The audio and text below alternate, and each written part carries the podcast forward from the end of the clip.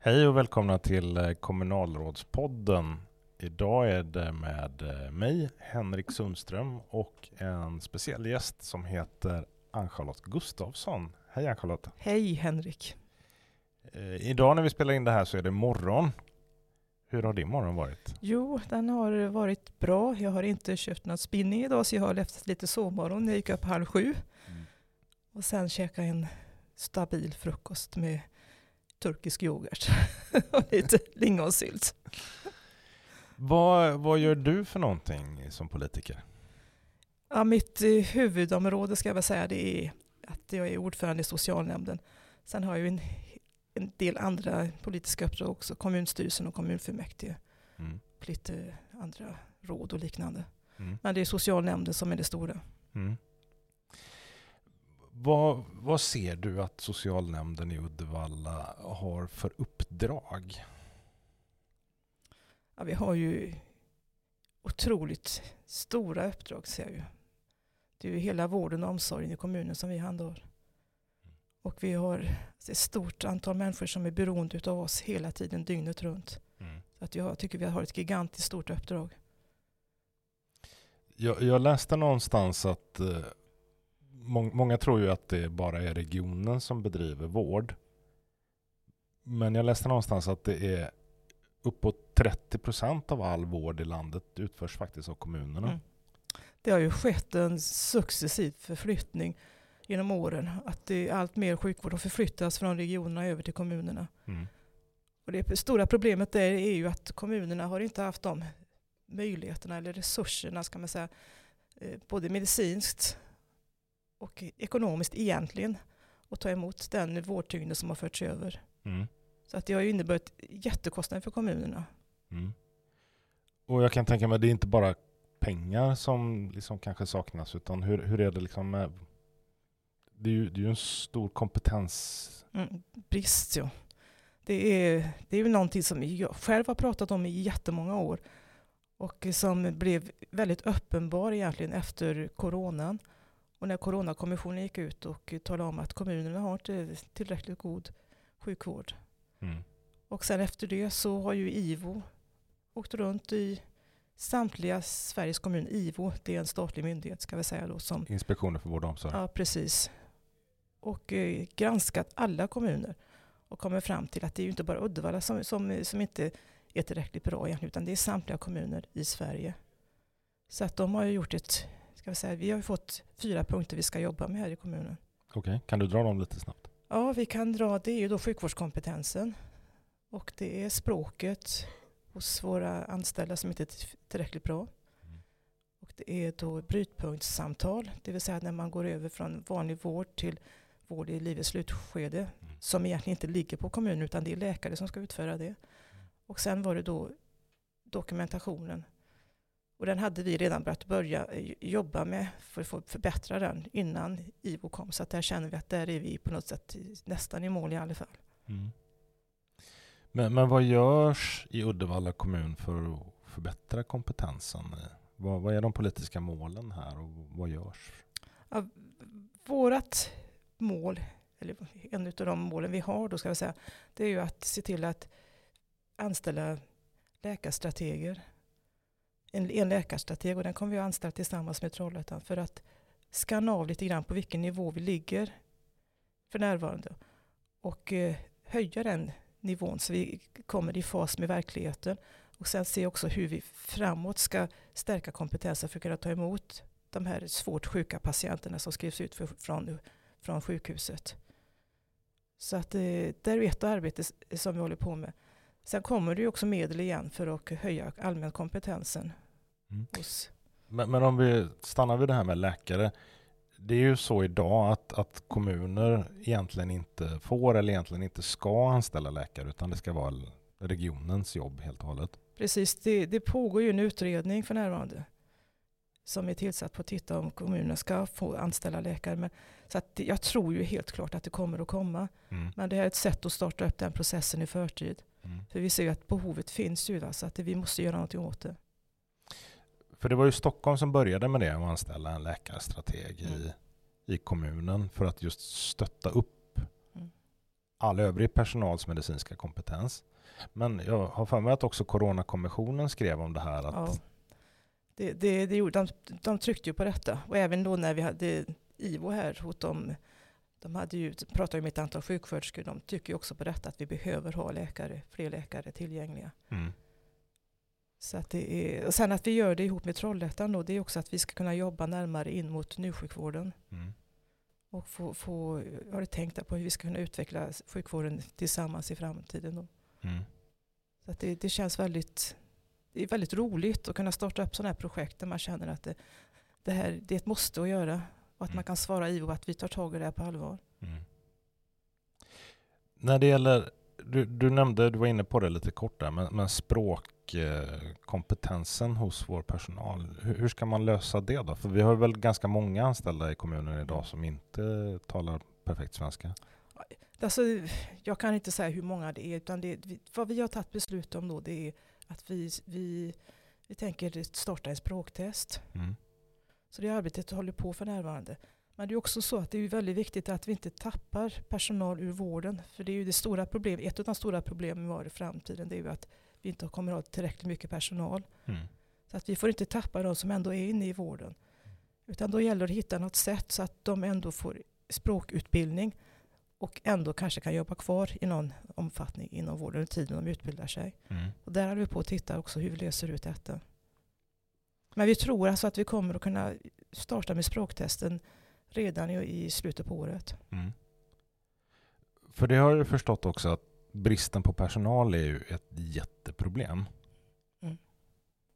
Det, det, alltså det har ju, då får man nästan titta på hela, eh, hela utvecklingen, hur den ser ut med hela åldersspannet på något sätt och vis. Det, det, vad som händer är ju att den yngsta gruppen då, av befolkningen mellan jag, 0 och 20 den minskar Mm. och spannet däremellan mellan 21 och 67 kan vi säga, arbetsför ålder, den stagnerar och tenderar att minska också lite grann. Och sen har du då den åldersgruppen efter det som ökar. Och sen när man då ser att behoven ökar ju från det att man är 80 år ungefär ser man. Då Mm. börjar man få ett behov av vård och omsorg. Och det här innebär ju då dels att vi får färre som arbetar ihop våra skatter. Mm. Samt att vi får mindre antal människor som är tillgängliga på arbetsmarknaden. Mm. Och vi behöver ha fler människor i vården. Så att det är ett jättedilemma det här. Jag har förstått det så som att det, det, det är sista levnadsåret som man är som mest vårdkrävande så att Mm. säga. Mm. Och, och det kan ju inträffa när man är 60 eller när man är 70 eller när man är 80 eller när man är 100. Mm. Eh, vad, vad gör vi för att liksom skjuta upp det här eh, behovet av att eh, ha jättestora insatser från kommunen? Kan, finns det någonting man kan göra där? Ja, Vi pratar ju väldigt mycket om det här att vi har olika differentierade boenden till exempel. Mm. Det är många upple- äldre upplever ju en stor ensamhet när de bor i sina lägenheter. Och eh, allting sånt här påverkar ju det, det allmänna måendet. Mm. Så kan vi, vi pratar ju om att vi måste bygga fler trygghetsboenden. Du kan börja ännu tidigare bygga seniorboenden. Då säger man seniorboenden bygger man från 55 år, men det är ingen som är 55 år som flyttar in i seniorboende, utan man väntar nog till man är 70 ungefär. Seniorboenden, det, det är alltså, de är helt anpassade efter så att du kan bo där hela ditt liv. Mm. Man har samlingslokaler, man har gym och man har kanske något spa. Eh, Det finns jättefina boenden som eh, Vänersborg har Bovieran. Mm. Trollhättan har byggt, P har byggt något jättefint boende i, idag, eller jag har sett också i tidningarna. Så att den typen av boende skulle varit väldigt fint att få in i Uddevalla. Mm. Sen trygghetsboende, det, det är ju för de som är lite äldre då. Och där ser man ju till att man har en samlingslokal i själva huset. Och gärna också att man har hemtjänsten, att de har en lokal i det huset också så att de har nära till de här brukarna. För de kan behov ha behov av en hemtjänst. Mm. Så det finns, den här, det är ett sätt att lösa det, det är lite grann och eh, hitta differentierat boende. Helt enkelt skjuta upp den där tidpunkten innan du behöver verkligen ha ett kommunalt vård och omsorgsboende. Alltså när du ska in på ett kommunalt vård och omsorgsboende så ska du vara beroende av vård dygnet runt. Mm. Innan du är det kommer du inte in där utan då är du hemma. Mm. Och det är många som bor hemma väldigt länge och är otroligt ensamma. Mm. Att det är de vi kan få, fånga upp på trygghetsboende istället. Jag har ju sett en del sådana här koncept eh, som du nämnde, Bovieran. Ja, jag hade kunnat tänka mig att flytta in i ett sånt Ja, själv. Alltså jag hade uppe det på gymmet eh, och, pratade och då var det en kille som var runt 20 år och sa man, du, det kan jag tänka mig att flytta in imorgon. En bar bara, som säger Ja, allting ja. komplett. Liksom. Du Ann-Charlotte, det här med socialnämnden, det är ju inte bara äldre, även om det är en jätteviktig del. Men ni, ni jobbar ju också med, med barn och ungdomar. Mm. Det är ju en stor del av verksamheten och som tar mycket tid och resurser ska jag säga. Det är mycket barn vi har att göra med. Jag tror att i september månad så har vi haft flest orosanmälningar någonsin. Mm. Och det, det, är, det är tungt tycker jag när man ser hur utvecklingen ser ut. Mm. Hur, kan du beskriva utvecklingen på något sätt? Alltså, vilka, trender eh, ser vi? Vi har, det är mycket våld, våld i nära relationer, barn som bevittnar våld. Och mycket av anledningen till att det blivit mycket, är, är mycket omhändertagningar tror jag beror på att numera räcker att barn bevittnar våld för att vi ska omhänderta dem. Mm. Och jag tror att det är ett otroligt bra sätt att jobba, ett måste. För man ser väldigt tydligt att barn ute i barngrupper som bor i familjer där det, begår, där det finns våld, de är mer utåtagerande och är aggressiva på ett annat sätt än, än andra barn är, även om de är riktigt små. Det blir ett socialt arv på något sätt. Ja, det blir ju det, att de, de har inte lärt sig att hantera eh, motgångar Mm. på annat sätt än att man ska slåss eller bete sig väldigt aggressivt. Så att det är ett, ett mönster man måste bryta. Så jag tycker att det, man var lite fundersam till att ska gå in och ta de här barnen som är runt ett år bara. Men alltså de har ju aldrig upplevt något annat. Mm. Sätt att lösa konflikter med att man, man slåss. Så att det jag tror att det är jättenödvändigt. Man funderar ju otroligt mycket, det gör jag på det här. Hur kommer det sig att 12-13-åringar kan skjuta ihjäl människor? Mm. Man- Man förstår liksom inte hur, hur, hur kan det gå till bara. Men har man inte lärt sig att lösa konflikter på något annat sätt än att man liksom måste ta till våld så, så kanske det är så. Mm. Jag har ju också suttit i socialnämnden med dig. Mm. Och, och det jag har reagerat på det är ju att det är ofta väldigt sent i, i ett barns ungdomsbrottskarriär som man går in och gör ett omhändertagande. Vad, vad, vad kan det bero på?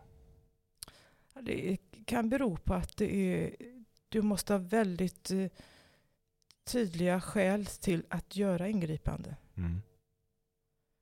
Så att det, det kan gå lång tid innan man gör det. Om det inte är jätteklart. Jag säger de här barnen som har bevittnat misshandel eller blivit slagna, de, de tar vi ju på LVU, Mm. tvång. Men eh, i annat fall så kan det ta lång tid och skolan kan göra ett antal orosanmälningar utan att det räcker för att ta till ett, ett, ett tvångsomhändertagande. Precis, alltså ni, ni kan gå in och göra insatser även om det inte finns så här lagstöd för tvångsvård, men det kräver att vårdnadshavarna ställer upp på det och Ja. att barnet ställer upp om det är tillräckligt gammalt. Precis, först och främst ska det ske frivilligt. Man måste liksom bocka av den biten först och det ska ske frivilligt. Och går föräldrarna med på att de ska få föräldrastöd så, så går man på det. Mm. Men sen så efter att de har fått ett beslut om föräldrastöd så kan ju föräldrarna säga nej tack, vi vill inte ha något föräldrastöd. Mm. Så faller ju det. Och så hinner det gå väldigt många år innan ni kan så att säga, bevisa att det här barnet faktiskt behöver tas om hand. Exakt, ja. Mm. Så att eh, eh, ett av de förslagen var ju att försöka hitta någon mellanväg där. Mm. gå in och komma in tidigare med någon form av mellantvång som gör att vi kan gå in och ta tag i de barnen där vi ser att det räcker inte med att föräldrarna tycker att vi, vi ska ha någon insats. Mm. Utan vi, och när vi inte tror att föräldrarna menar allvar egentligen med den insatsen så att man ändå har en möjlighet att göra någonting. Mm. För det är väl ganska tydligt att det, det är få barn och ungdomar som går ut och skjuter ihjäl andra utan att socialnämnden har haft någon kunskap om dem tidigare. Nej, Jag tror inte att det finns det alltså, utan att önskedrömmen är ju att man blir, på något sätt vis fångar upp de här barnen direkt från födseln. Mm. Att de inte hinner att gå så här långt. Mm. Att man sätter in insatser ännu så tidigt som möjligt. Mm. Det är ju drömscenariot och därför som jag säger, det är väldigt viktigt att vi, de här barnen som bevittnar våld, att vi tar, vi tar hand om dem Mm. och får dem in, in i en annan miljö. Sen får man under tiden försöka jobba med föräldrarna om de erkänner att de har slagit sina barn till exempel. Och får dem att tänka på ett annat sätt hur man uppfostrar.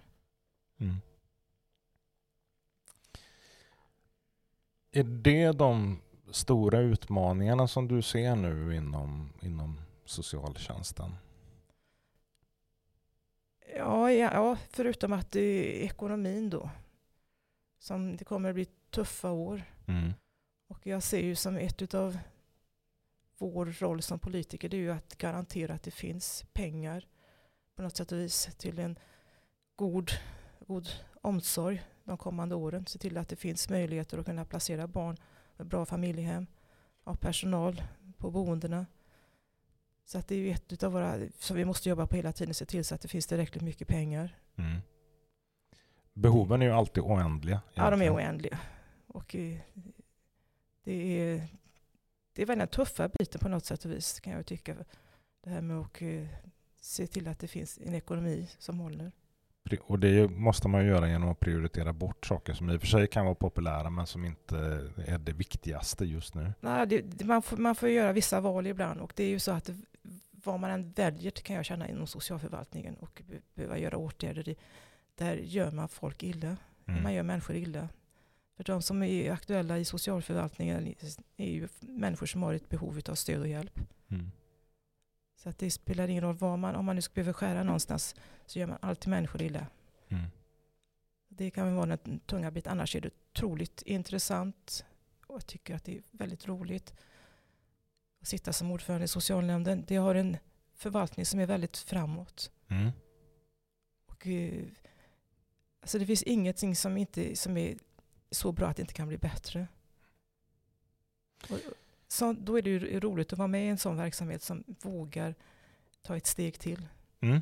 Spänna bågen och Ja, hitta ja. nya sätt. Och... Jag känner det och det är eh, lite grann som jag har varit som person med alltid. Så jag tycker att det är väldigt roligt att prova på och våga prova. Mm. Och i, går det inte bra så får man ta ett steg tillbaks. Men oftast har det gått väldigt bra. Och Uddevalla ligger alltså i, i framkant där och det kommer andra kommuner hälsa på och tittar hur vi jobbar.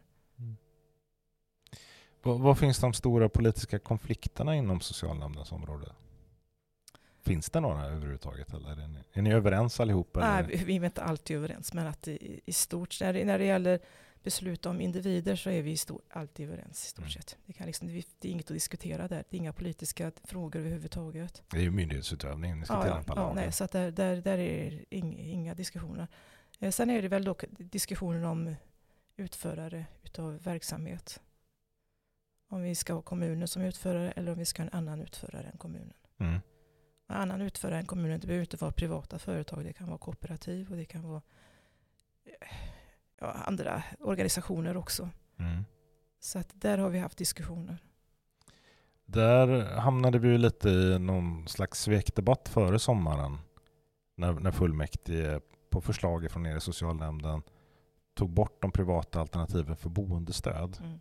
Kan, kan du berätta lite mer om det? Vad var det som låg bakom det beslutet? Boendestödet, där, är, där var det ju så att eh, ska vi se, 80 procent av de som har boendestöd har kommunen och 20 har privata utförare. Mm. Och vi ser ju så att en, ett av de åtgärderna som behöver göras det är att vi tar hem dyra placeringar ute i, i Sverige. Vi har köpta platser för olika inom psykiatrin, Mm. Eh, även missbruk ska jag säga, eh, som vi köper placeringar ute i Sverige. De skulle vi vilja ta hem Mm. och börja jobba på hemmaplan och bygga upp boende här.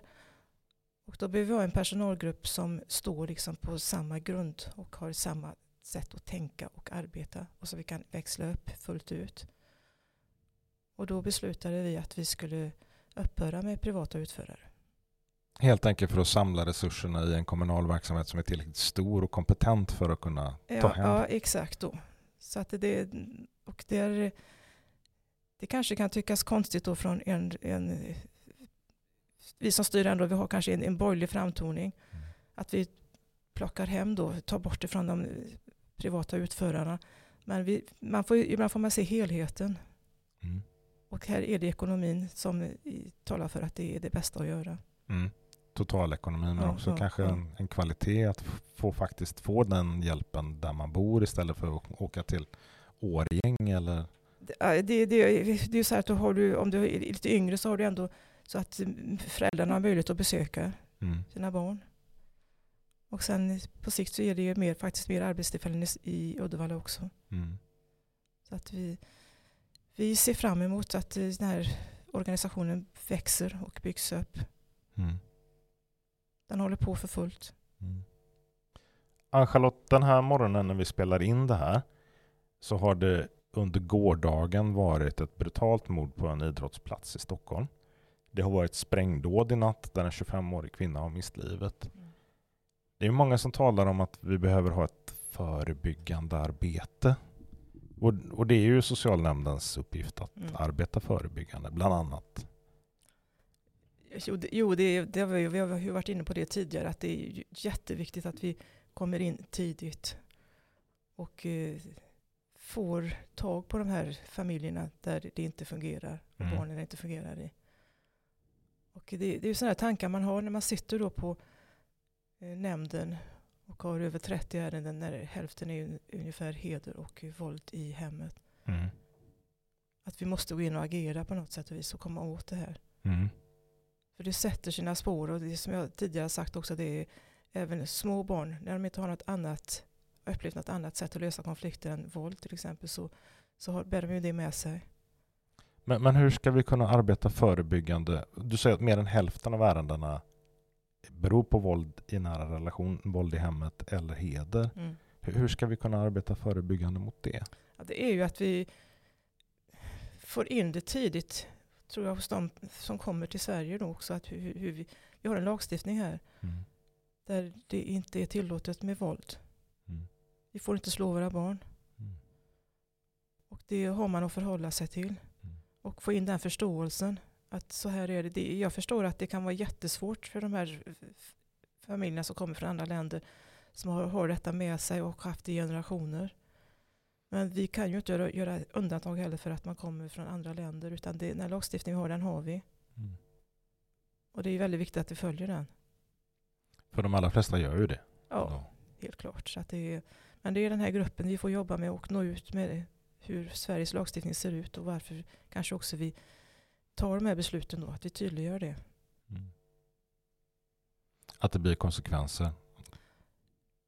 Ja, det blir det ju om man inte följer en lag, men att det gäller ju också att jobba med familjerna under tiden som man i så fall har omhändertagit barnen och få dem att se att man kan uppfostra barn till exempel på ett annat sätt. Mm. Stort tack för att du har kommit hit Ann-Charlotte. Jag, jag tänkte om det är som så att vi vill gärna att ni mejlar in till oss och, och ställer frågor. Ni kan mejla mig henrik.sundström uddevalla.se eller Martin Pettersson martin.pettersson med två t och två s snabbela uddevalla.se. Men ni kan också mejla Ann-Charlotte. Vill du dra din adress? Ann-Charlotte.Gustafsson uddevalla.se. Och då är det två t Ann-Charlotte och ett f på Gustafsson Helt rätt. och inget e på Ann-Charlotte. Tack för oss. Hej då. Tack, hej.